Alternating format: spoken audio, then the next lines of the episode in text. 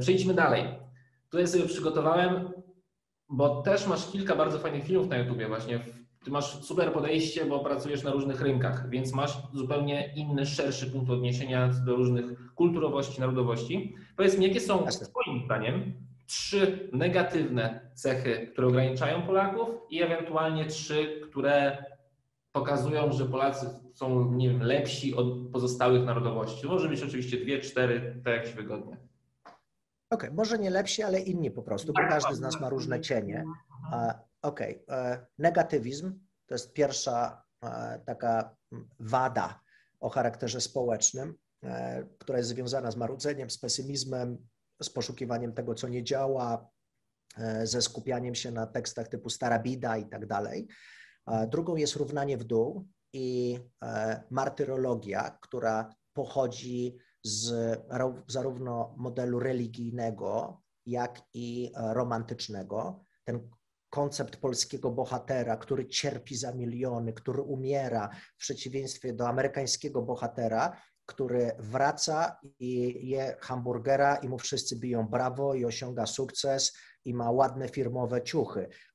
A nie, zdecydowanie idę w kierunku fajnego hamburgera i te koncepty pod tytułem cierpienie uszlachetnia to są tak krzywdzące, absolutnie ograniczające przekonania wyciągnięte z modelu e, uduchowionej biedy i innych złych rzeczy, no to one, mówiąc kolokwialnie, wiesz, ryły beret i robiły krzywdę całym pokoleniom. Więc e, tam powstało takie równanie w dół, czyli porównywanie się do tych, co cierpią, co mają gorzej, zamiast myślenia w kategoriach e, dużych, w kategoriach osiągnięć i tego, że można robić wielkie rzeczy. To jest powiązane z trzecim aspektem, czyli kompleksami polskimi i takimi rzeczami jak na przykład zaniżone poczucie własnej wartości.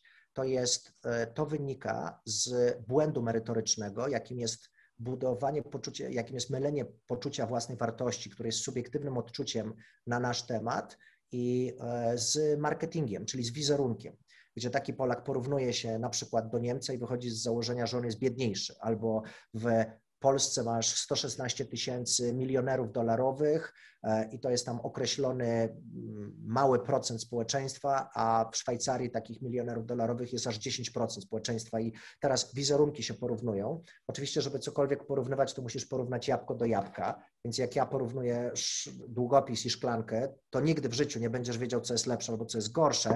Nie można porównywać Polaka do Szwajcara, bo to są zupełnie dwa różne koncepty. Tam jest błąd w kontekście e, rzetelności porównawczej.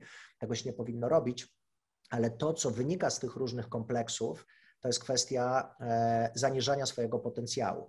Masz 21% w Polsce ludzi jest wykształcona e, pod kątem magisterki i w porównaniu do 11% Niemców albo 11% Anglików, Polacy na szóstym miejscu na świecie znają język angielski. Wyprzedzają nas innymi Skandynawowie, Holendrzy są świetni, natomiast weźmy pod uwagę, że starsze pokolenia w Polsce nigdy nie były uczone języka angielskiego, tylko rosyjskiego, więc e, to by było nie fair, gdybyśmy e, ich nie wyciągnęli z tego równania, no ale nie są wsadzani. No to nadal masz sytuację, jak Polak potrafi pojechać do Londynu, całe szczęście coraz mniej, i zamiast powiedzieć, e, hi, how are you, to on się zastanawia, czy użyć present simple, czy present continuous, bo się boi oceny albo tego, jak wypadnie albo wiesz, jest sobie e, wiem, takie teksty na przykład mm, jaka Polska taki, nie wiem, minister, albo jaka Polska taki e, sportowiec. To są e, tego typu mega poniżające rzeczy, na które nie zwracamy uwagę, uwagi, które nas krzywdzą.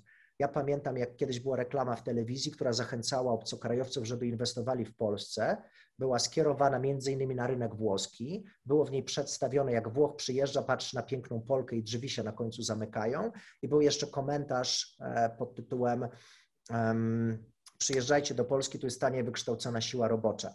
Wiesz, e, ja bym za coś takiego e, to no, patrzył z podełba, mówiąc krótko, i wtedy nie zachowywałbym się jak pan potrójny doktor, bo ja nie po to kończyłem studia e, w Polsce, w Niemczech, w Stanach, nie po to mam trzy doktoraty i e, nie po to robiłem różne aspekty kariery międzynarodowej, wiesz, e, nie wiem, występując Miałem okazję być cytowany w magazynie o Free Winfrey albo w Brazylii występowałem w takich dużych programach telewizyjnych i nie po to to robiłem, żeby myśleć w kategoriach jak z Polski, to znaczy, że gorzej. Ja sobie nie życzę takich komentarzy.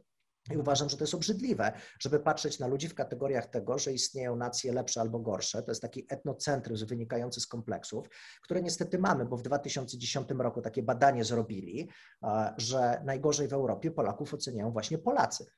W związku z czym i ten obraz się nie zmienia. Okazuje się, że Niemcy mają o nas lepsze zdanie. Na Boga. My powinniśmy się zastanowić i przestać żyć to jest następna mega negatywna cecha. Jesteśmy jedną z najbardziej podejrzliwych nacji na świecie, kultur na świecie. Szukamy, co jest napisane małym druczkiem, gdzie jest haczyk, bo na pewno e, ktoś chce zakombinować, ktoś nas chce oszukać. Chryste, panie, e, większość ludzi wcale nie ma patologicznych intencji oszukania albo okradzenia kogoś. Większość ludzi jest generalnie dobra, chce dbać o swoją rodzinę, chce się rozwijać, chcę mm, dobrze wiązać koniec z końcem po to, żeby było ok, a, a nie szukanie tego, jaką krzywdę ktoś nam może zrobić. Natomiast w chwili, gdy my przez ostatnie wiesz, 200 lat byliśmy najeżdżani, na różne sposoby gwałceni, e, germanizowani i tak dalej, no to biorąc pod uwagę, że 100 lat temu niecałe były wojny i e, to osiągnęło pewien, to spowodowało pewne konsekwencje o charakterze psychologicznym, o których się nie wspomina dzisiaj. Wiesz, ja mówiłem, pokolenie baby boomers to jest 33% społeczeństwa e, ma zdiagnozowane PTSD. To znaczy, że to są ludzie zaburzeni. W Polsce szacuje się, że jest 25% zaburzenia. Przecież my mieliśmy takich rodziców. I to nie jest, broń Boże, żaden zarzut. To w ogóle nie o to chodzi. To jest kwestia stwierdzenia, że my startujemy naprawdę z kapitałem, który jest zupełnie inny.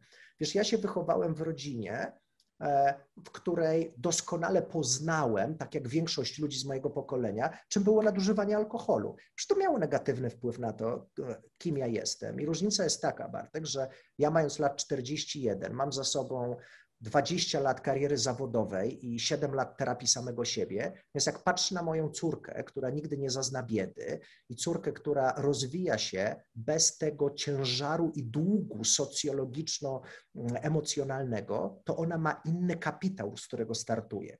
Bo ja w momencie, gdy wyjeżdżałem i studiowałem w Niemczech, to zakuwałem 10 razy bardziej niż Niemcy, bo wiesz, ja byłem ten z Polski, a ten z Polski musiał zawsze udowodnić, że jest lepszy. Później, w momencie, gdy przetłumaczyłem swoją książkę na niemiecki i ja tam studia kończyłem, na stypendium byłem i zacząłem pracować już jako konsultant, to były gdzieś w kuluarach schematy pod tytułem Dlaczego Polak miałby nas uczyć um, konsultingu, czemu miałby nam doradzać, ok? Przecież on nie jest hydraulikiem, nie? przecież on nie jest pomocą domową.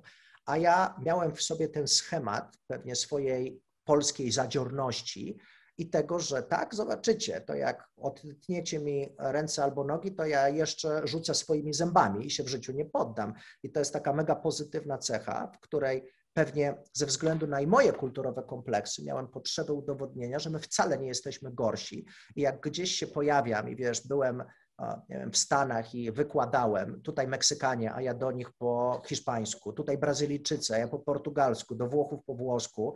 I naparzam, to oni patrzą i mówią you are smart że ty jesteś gość. A później ktoś w Polsce na YouTubie, oglądając mój występ w telewizji brazylijskiej, mi pisze, że źle akcentuje, powinno być na drugą słabą od końca. No Chrystusie Nazareński, że wyobrażasz, to są... I to jest coś, czego my nie widzimy, że my przez tę zawiść, kompleksy, myślenie homogeniczne, czyli w Polsce dzieje się Polska, na świecie dzieje się świat, a w Polsce się dzieje Polska. My mamy lokalne, małe problemy, bez zwrócenia uwagi na to, że te problemy mają mały charakter. One oczywiście nas dotyczą, ale są problemy, które są nieporównywalnie większe. Ekologia, zmiany związane z postpandemicznym światem, wielki reset, kwestie, które są naprawdę kluczowe z makroekonomicznego punktu widzenia, które zmieniają technologię, socjologię, politykę, prawo, ekonomię, wpływają na kształt kultur, e, heterogeniczność związana z obywatelem świata, który e, jest najnowszym paszportem, który nadchodzi i tym, że bycie Polakiem jest dzisiaj za małe, tak samo jak bycie Niemcem, że szkoda przegapić, siedząc w małej, zamkniętej mentalnie kałuży, tego, że można jako obywatel świata naprawdę robić niesamowite rzeczy. I do tego potrzebne są dobre cechy Polaków, adaptacyjność, determinacja, mega nacisk na wykształcenie, na to, że zawsze jako underdog, ten gorszy, tak jak Irlandczycy w stosunku do Brytyjczyków, mieliśmy dużo do udowodnienia. Jak gdybym nie mieszkał za granicą, gdybym dostałem taką wizę do Stanów, zieloną kartę, która nazywa się wizą dla geniuszy. E, to jest EB1 i ona jest dawana ludziom, którzy, John Lennon ją dostał, Olimpijczycy ją dostali, ona jest dawana ludziom, którzy mają wyjątkowe osiągnięcia na poziomie światowym. I ty wiesz, że ja się zastanawiałem, czy o tym opowiadać, bo wiedziałem, że jak o tym opowiem w Polsce, to może mnie spotkać hejt. Ty wyobrażasz sobie, Bartek, jak to jest chore, żeby przed własnymi braćmi i siostrami wstydzić się powiedzieć czegoś, kiedy ja marzę o tym, żeby 15-letnie dzieciaki czy 20-letnie sobie popatrzyły i sobie pomyślały, no Grzesiak był pionierem w tym, co robił, ale ja będę lepszy od niego. A ja bym powiedział, młody, bądź 100 razy lepszy. Tego właśnie sobie życzę, no nie? tego, żeby oni byli, robili wielkie rzeczy, żeby byli mądrzejsi, żeby pozbyli się tych obrzydliwych demonów przyszłości i żeby prowadzili kulturę naprzód, e, głosząc to, że są dumni z bycia Polakiem, nie w sposób etnocentryczny, poprzez wódkę, zakąskie, kiełbasy, gołąbki, e, po pijaku śpiewając hymn, tylko poprzez pryzmat tego, że są w stanie uczynić świat lepszym miejscem, zaczynając od własnego podwórka. I e, ten paradoks kariery międzynarodowej w moim przypadku polegał na tym, że wiesz, co ona mi najbardziej lewarowała? Karierę polską. Dlatego, że w momencie, gdy zaczęły się pojawiać sukcesy w Stanach Zjednoczonych, w Meksyku, w Kolumbii, w Brazylii. Ja już po chińsku trochę wykładałem i gdyby nie pandemia, to pewnie byłoby tam zdecydowanie więcej działań. To dopiero wówczas pojawiły się opcje pod tytułem: Aha, to coś takiego jest możliwe, no to to jest sukces. Ale do tego trzeba było wyjechać i zgodnie z, wiesz, z zasadą dźwigni, dźwignia musi być zawsze na zewnątrz świata, który podnosi. Nie można być prorokiem we własnym kraju. I to były rzeczy, z którymi mi osobiście, dlatego się dzielę z Tobą, przyszło walczyć, bo ja też jestem Polakiem i też zwalczałem te wszystkie rzeczy w sobie. I dopiero później, w momencie, gdy zacząłem się uwalniać od aspektów kulturowych, ponad które ty wspomniałeś o tym, że życie ludzkie się może skończyć w wieku 25 lat. Ja uważam, że większość ludzi nie wyjdzie poza ósmy rok życia. Że oni e, w większości przypadków są, że to są twory rodzinno-kulturowe że oni będą żyli schematami z dzieciństwa, tym, co im ktoś do głowy włożył, tym, co im mhm. kultura powiedziała, i przez brak kompetencji społecznych, którymi wyższa się zajmuje, umiejętności miękkich, oni nie będą mieli chociażby autorefleksji, żeby się zastanowić nad duchowym aspektem transcendencji, zadać sobie pytanie, kurde, przecież jestem czymś więcej niż Polakiem, przecież to jest tylko etykieta to jest język, jakiego używam, to są zachowania, ale ja mogę od Amerykanów wziąć pewność siebie, mogę wziąć od Niemców organizację, od Brytyjczyków dumę, e, mogę wziąć mm, totalny pozytywizm od Meksykanów. Wiesz, ja mam żonę Meksykankę, w związku to jest moja druga ojczyzna i ja mogę połączyć te wszystkie rzeczy, żeby stać się kimś znacznie więcej. Dlatego ja mam całe plecy wytatuowane obywatelem świata, bo ja wierzę, że jestem czymś znacznie więcej. Nawet jak rozmawiamy o kwestiach męskich czy kobiecych, ja wierzę, że nade wszystko jestem człowiekiem, że ten człowiek ma określone cechy, również kobiece, również męskie, również duchowe, również materialne i że w tym koncepcie tego archetypu, gdy łączymy ze sobą wszystkie e, religie, wszystkie kultury, wszystkie pokolenia, wszystkie płci, wszystkie nacje, rodzi się człowiek, który może zdecydowanie, zdecydowanie więcej dobrego dać dla świata. A to, czy on jest z Polski, czy nie, to jest kwestia wtórna i nie ma żadnego znaczenia. Zapraszając Ciebie strasznie chciałem, żebyś o tym wszystkim powiedział. Uwielbiam, jak o tym mówisz. Uwielbiam, jak pokazujesz, że to, że tutaj mieszkam w Polsce, nie znaczy, że muszę być tylko i wyłącznie Polakiem, tylko właśnie mogę być obywatelem świata. Strasznie się utożsamiam z tym, co mówisz, e, że zastanawiałeś się, czy Polacy się nie skrytykują. Jakby ja mam dokładnie to samo. Ja na przykład kupiłem sobie nowy telefon i nagrywając film na YouTube się zastanawiałem, czy zaraz mnie skrytykują, że mam za dużo pieniędzy, że sobie telefon wymieniłem na nowy albo że jestem na wakacjach i się zastanawiam, czy powinienem wrzucić post z wakacji, bo to może kogoś zaboleć, że ja tam jestem. Ale to tak. jakby wiesz, to, jest tak głęboko zakorzenione i takie jednocześnie chore to jest to, o czym mówisz. I samo to, że Polacy się najbardziej krytykują spośród innych nacji, to już jest w ogóle kosmos. I z drugiej strony, to jest coś, co w trakcie chciałem Ci powiedzieć, nie chciałem Ci przerywać.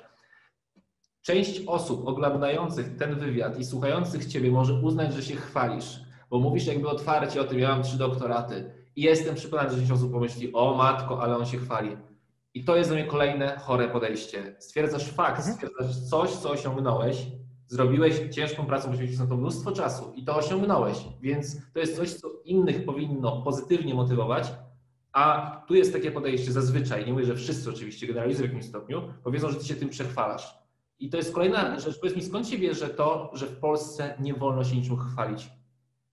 Z kompleksów takich z socjologiczną historią, bo samochwała w kącie stała rzekomo i dlatego, że jest to rzekomy brak pokory, ale nie jest brane pod uwagę zjawisko tak zwanej projekcji komplementarnej. To jest takie zniekształcenie psychologiczne, które polega na tym, że jak jest sobie ktoś, kto uważa się za osobę niską i patrzy na osobę inną, to ta inna będzie mu się wydawała wyższa niż jest w rzeczywistości, ale to tylko dlatego, że sam uważa, że jest niski. Czyli jak ktoś uważa, że jest głupi, to będzie widział w innym więcej mądrości niż oni naprawdę mają. I to jest projekcja komplementarna, uzupełniająca. Krótko mówiąc, ci, którzy widzą w innym kogoś, kto się chwali, powinni przyjrzeć się sobie, czy przypadkiem sami nie uprawiają pseudoskromności. Znamy pseudoskromność polską. Tato, powiedz, jak to się wydarzyło, że ty utrzymałeś pracę w chwili, gdy w firmie wszyscy zwalniali? Tata mógłby dać model dziecku. Tata mógłby powiedzieć, słuchaj, e, porozumiałem się z szefem, zbudowałem relacje, dzięki networkingowi miałem mocne plecy, zbudowałem fajny personal brand, byłem najbardziej zdeterminowany, pracowałem kilka godzin e, więcej w tygodniu po to, żeby pokazać szefowi, że jestem wartościowy. A tata co mu może strzelić, jak pójdzie w pseudoskromność? Udało mi się. Miałem fuksa, miałem szczęście. I co robi? Deprywuje przyszłe pokolenia z wiedzy i z modeli, dając mu magię nazywaną fuksem. Jeszcze brakuje tylko klucza, świeczki, wróżb andrzejowych i wywalenia e, zarządzania jako nauki i myślenia w kategoriach, gdzie są fusy. To jest prymitywne, to jest niegodne intelektualistów, jakimi jesteśmy, którzy mają obowiązek moralny, imperatyw, żeby dzielić się wiedzą i żeby przyszłym pokoleniom było zdecydowanie łatwiej niż jest dzisiaj. E, nie czuję jakiejkolwiek potrzeby chwalenia się, ponieważ nie czuję się gorszy. Ja mam silne poczucie własnej wartości i moja duma wcale nie jest powiązana z moimi doktoratami, bo ja się z nimi nie identyfikuję.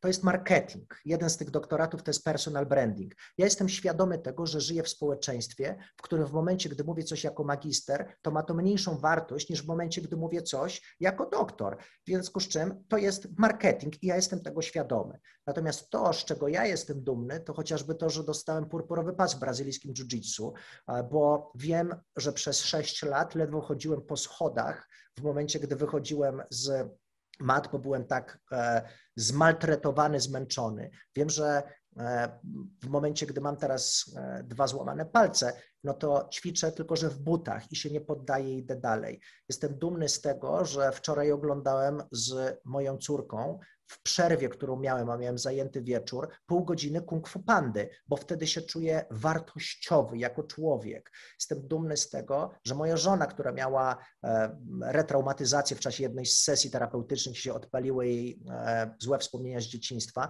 że byłem w stanie jej uspokoić, chociaż przez wiele lat sobie z tym nie radziłem. To Bartek nie ma nic wspólnego z moimi doktoratami i z berłami, które zbieram, bo ja się nie identyfikuję z doktorem Mateuszem Grzesiakiem. To jest brand, który jest mi potrzebny do tego, żebyś ty i inni ludzie się mną zainteresowali, żebyś chciał mnie poznać jako człowieka. Natomiast pamiętaj, że to ja jako człowiek stworzyłem brand. A co za tym idzie, Peter Parker jest silniejszy od Spidermana. I to jest kluczowe po to, żeby pamiętać, co jest ważne i co jest istotne. Przez e, rozmawiamy teraz i przez długie, długie, dzisiaj, dzisiaj miałem jeszcze rozmowę z jednym dużym radiem, wcześniej z e, jednym medium, takim też bardzo znanym w Polsce i nie mogli się ze mną umówić i nie mogli się ze mną umówić. Powiem Ci z jakich przyczyn. Przyczyną było to, że chcieli się ze mną umówić na żywo na dziewiątą rano, a ja o dziewiątej rano mam trening jiu-jitsu. I nie ma w tym żadnego bałwochwalstwa, zero. W tym jest bardzo głębokie pogodzenie się ze sobą samym, w którym ja, gdy patrzę na to, co jest dla mnie ważne, to sport, rodzina, przyjaciele, moja pasja, bycie prawdziwym jest dla mnie nieporównywalnie ważniejsze niż wywiad w telewizji. Absolutnie ten komentarz nie deprecjonuje niczego, tylko pokazuje pewną transformację, bo ja bym się dał pochlastać 10 lat temu, żeby móc możliwość mieć zrobienia takiego wywiadu. Tylko pokazuje ci pewien model związany z tym, co ja traktuję jako wartościowe. To, czy ja mam 500 tysięcy fanów, czy milion, czy 5 milionów, w żaden sposób nie wpływa na to, co ja sądzę na swój temat jako człowieku, dlatego że to mnie nie interesuje. To, co mnie interesuje, to jest to, czy moja żona chce ze mną sypiać, to, czy moja córka chce ze mną rozmawiać, to, czy w momencie, gdy ten wywiad robimy, to będzie ktoś, kto tego posłucha i sobie pomyśli, fajnie mówi, chcę wziąć ten model, wyleczę się z jakiegoś kompleksu i mi będzie lepiej. To mnie interesuje. A cała reszta to jest świat zewnętrzny, który jest emanacją świata wewnętrznego. Wiesz, że ja nie mam swojego prywatnego Instagrama ani konta na Facebooku? Nie interesuje mnie to. To jest dla mnie miejsce do pracy. Ja nie biorę swojego poczucia własnej wartości z tego, czy dostanę lajka, czy nie dostanę, tylko biorę z tego, że jak ludzie nas oglądają, to gdzieś tam jest ktoś, kto sobie będzie to oglądał i pomyśli sobie, zmienię swoje życie. Bo to oznacza, że ja daję mu wartość. A co za tym idzie, realizuję imperatyw każdego nauczyciela. Pomagam uczniom być lepszym. Ja jestem na przykład jedną z tych osób, które Ciebie bardzo... Cieszę się. Twoje zdrowie. Bardzo się cieszę. Wypijmy razem od razu. Tak jest. Dobrze. Mogę Cię słuchać godzinami, ale musimy przejść jeszcze trochę dalej, bo przygotowałem sobie sporo pytań, ale nie zdążymy wszystkich zadać. Powiedz mi, co osiągasz? Jak Ty łączysz sport, pasję, rodzinę i pracę? Bo uwaga, Twoja doba ma też 24 godziny. Tak? Dobrze No kojarzę? pewnie. No pewnie. Oczywiście, że tak. Dobrze kojarzysz, bo znasz zasady newtonowskiej gry. Masz jedna godzina, to 60 minut, wszyscy mają dokładnie tyle samo czasu, w związku z czym każdy z nas decyduje, w jaki sposób należy go realizować. Oceniłbym wydajność, skuteczność statystycznego Polaka na poziomie może kilku procent. Uważam, że cała reszta to jest strata czasu i brak myślenia w kategoriach wydajności i produktywności. Dam Ci przykład. Weźmy sobie, że ktoś ogląda w internecie jakieś bzdety, jakieś bzdury przez jedną godzinę dziennie. Jedna godzina dziennie to jest 7 godzin tygodniowo, to jest 14 godzin co dwa tygodnie, 14 godzin to jest pełen dzień aktywności, no bo masz 24 godziny, to jeszcze 6-8 trzeba spać, trzeba jeszcze coś zjeść, iść do toalety. W związku z czym ci ludzie tracą jeden dzień życia co dwa tygodnie. Masz 52 tygodnie w roku, dzielimy przez dwa, bo co dwa tygodnie zostaje 26 dni. 26 dni za jedną godzinę. A teraz, jak weźmiesz pod uwagę, że 26 dni to jest tylko wynik jednej godziny, to jeszcze sobie pomyśl, ile ludzie siedzą i spędzają ten czas na czymś, co jest toksyczne, czyli na przykład kwestie związane z kłóceniem się albo z negatywnym myśleniem. W związku z czym ja uważam, że to jest tak, jak zrobili takie badania na temat poniedziałku i okazało się, że efektywny czas pracy w poniedziałek nie przekracza 4 godzin po weekendzie, bo ludzie się odzwyczajają od swoich nawyków.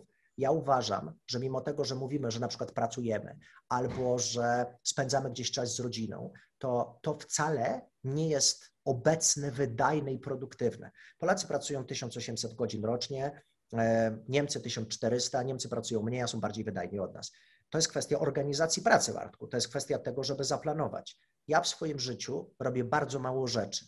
Rano uprawiam sport, później pracuję, a później spędzam czas z rodziną i mam czas dla siebie. Mam konkretnie poplanowane dni, funkcjonuję w taki sposób, żeby wycisnąć z tego życia, a każdy z nas ma dokładnie tyle samo lat, i mi zostało mniej więcej tyle samo lat do przeżycia. Różnimy się tam jakąś różnicą statystyczną, ale przy dobrych wiatrach ja będę żył 80 parę. Polak umiera mając lat 74, więc ja wierzę, że przy moim podejściu do sportu i do diety przeżyję 80 parę. Więc ja mam, Bartek, 40 lat. TikTok, TikTok, TikTok. Ten czas mi leci. Ja nie zamierzam przeżyć tego życia poprzez pryzmat oglądania pierdół w internecie. Mnie interesuje to, jakiego rodzaju wartość mogę dać innym, czy to moim najbliższym, czy to ludziom, którzy mnie nie znają. Wel nasz dzisiejszy wywiad i nasza rozmowa, która mam nadzieję będzie wartościowa dla innych, dlatego że to nadaje mojemu życiu sens. A dzięki temu, że jest coś robionego z sensem, to jest niekończąca się bezwarunkowa motywacja. Wiesz, że w Stanach największym sensem, jeżeli chodzi o zawody, cieszy się zawód strażaka. Kto przy zdrowych zmysłach, stary, chciałby pójść w kierunku bycia strażakiem, jak mało płacą, jest mega niebezpiecznie, możesz umrzeć w każdej chwili, ale chcą. Czemu? Bo poczucie ratowania, bycia bohaterem i pomagania innym ludziom jest wielkie. Ja pracowałem ze strażakami, kiedyś pomagałem w jednej akcji charytatywnej i przyjemność pracy z ludźmi, którzy czują sens swojego życia, jest tak duchową ucztą, jest takim uczuciowym orgazmem, że nie da się tego porównać do nikogo. Kto nienawidzi swojej roboty, siedzi na fotelu prezesa i marzy o tym, żeby wrócić do domu, w którym i tak i tak jest tak zdestabilizowany, bo nigdy nie zbudował relacji z swoimi dziećmi i żoną, żeby się cieszyć tym życiem. Zarabia kupę forsy, ale i tak i tak wciąga biały proszek za pomocą, wiesz, drogiego rulonika. Bez sensu. Przecież to nie o to chodzi. W związku z czym e, opowiadają, odpowiadają Ci na Twoje pytanie. My wszyscy mamy tyle czasu, jest bójdą na resorach, że nie mamy czasu, bo wszyscy mamy dokładnie tyle samo, tylko realizujemy go inaczej inaczej go spędzamy. I oczywiście, że w momencie, gdy jest matka trójki dzieci, to ona głównie ten czas poświęca swoim dzieciom i to jest priorytet, na który ona zwraca uwagę. Jednocześnie gdzieś po drodze powstała decyzja po to, żeby była trójka dzieci albo czwórka. I to nie jest ani złe, ani dobre, tylko to jest wyraz, który nazywa się konsekwencja. W momencie, gdy ktoś decyduje się nie mieć dzieci, no to się skupia pewnie na życiu e, singla albo na życiu w jakimś związku, który ma inny charakter i będzie miał więcej czasu na inne aspekty, ale wtedy straci traci coś innego. Na przykład są badania pokazujące, że mężczyźni, którzy nie mają stałych związków, żyją krócej. W związku z czym e, to są, to są zawsze decyzje.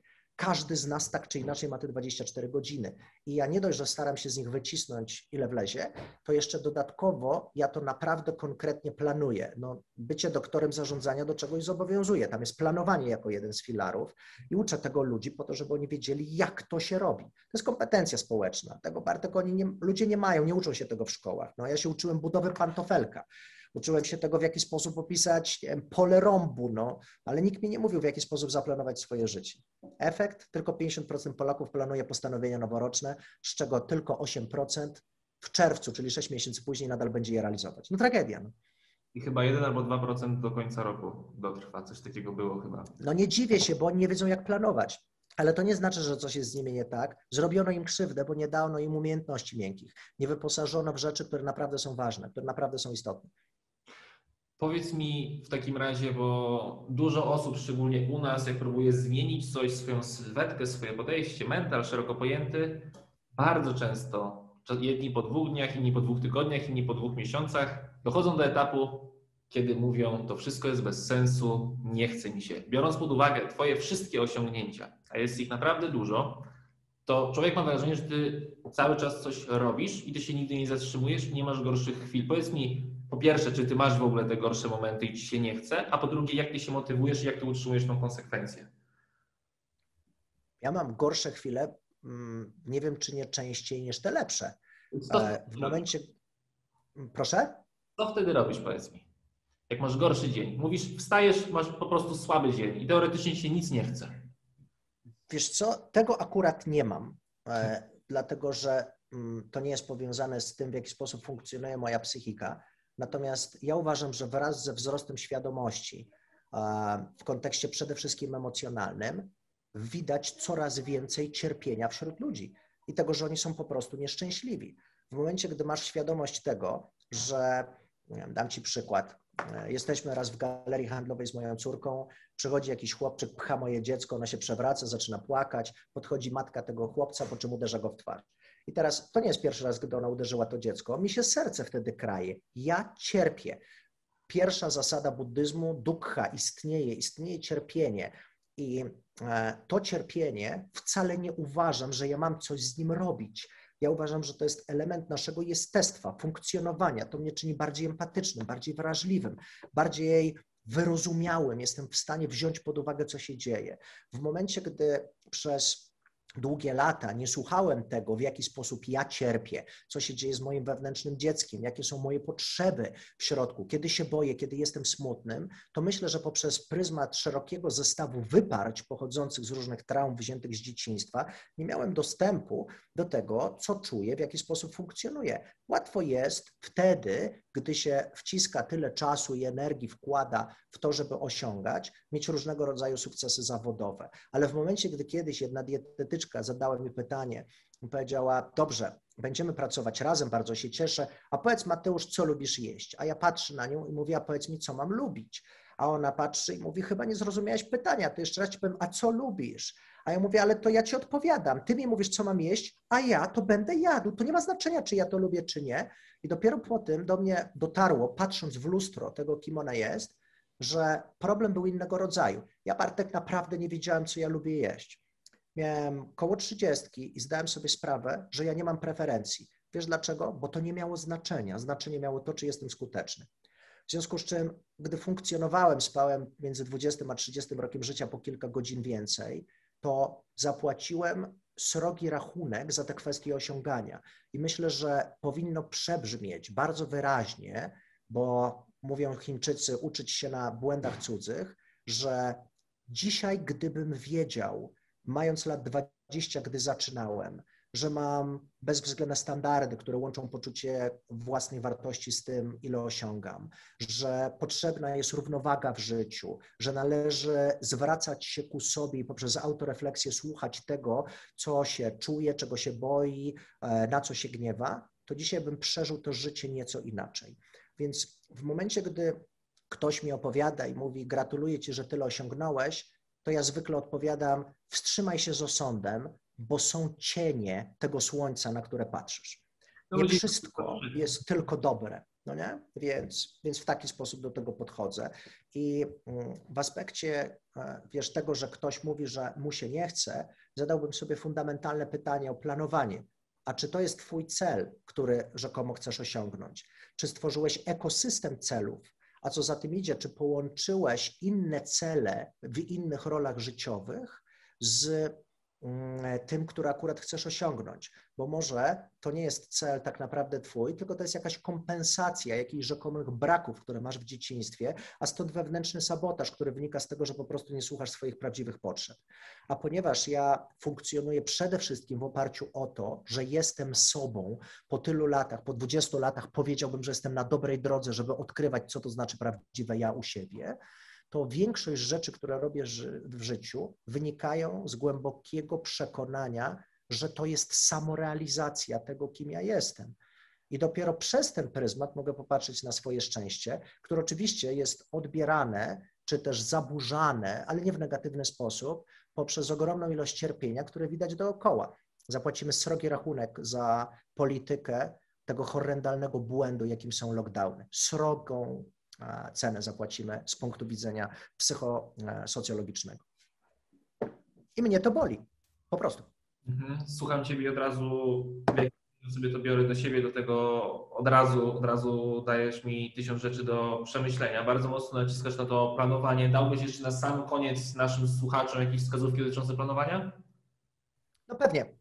W związku z czym trzeba podejść do tego, żeby e, w odpowiedni sposób zaplanować swoje życie i e, zwrócić uwagę na to, w jaki sposób to robić. No więc, jak myślimy w kategoriach planowania, to powinniśmy zacząć od przede wszystkim wizji i tego, jaki mamy sens życia i duży plan na siebie, co chcemy robić za powiedzmy 10-20 lat. Jaka jest idea? Moją ideą jest tworzenie człowieka świadomego, żeby dać przykład, a następnie wybrać misję, czyli jakiś konkretny aspekt, najczęściej zawodowy, w którym będziemy do tego dążyć. No, ja wybieram edukację i to jest mój świat, ja w nim funkcjonuje. Następnie określić swoje wartości, żeby wiedzieć, co jest dla kogoś ważne i co nas w głębi duszy motywuje i co nas demotywuje. Następnie przejść do aspektu, który jest związany z poszczególnymi obszarami życia. A poszczególne obszary życia są całym ekosystemem celów.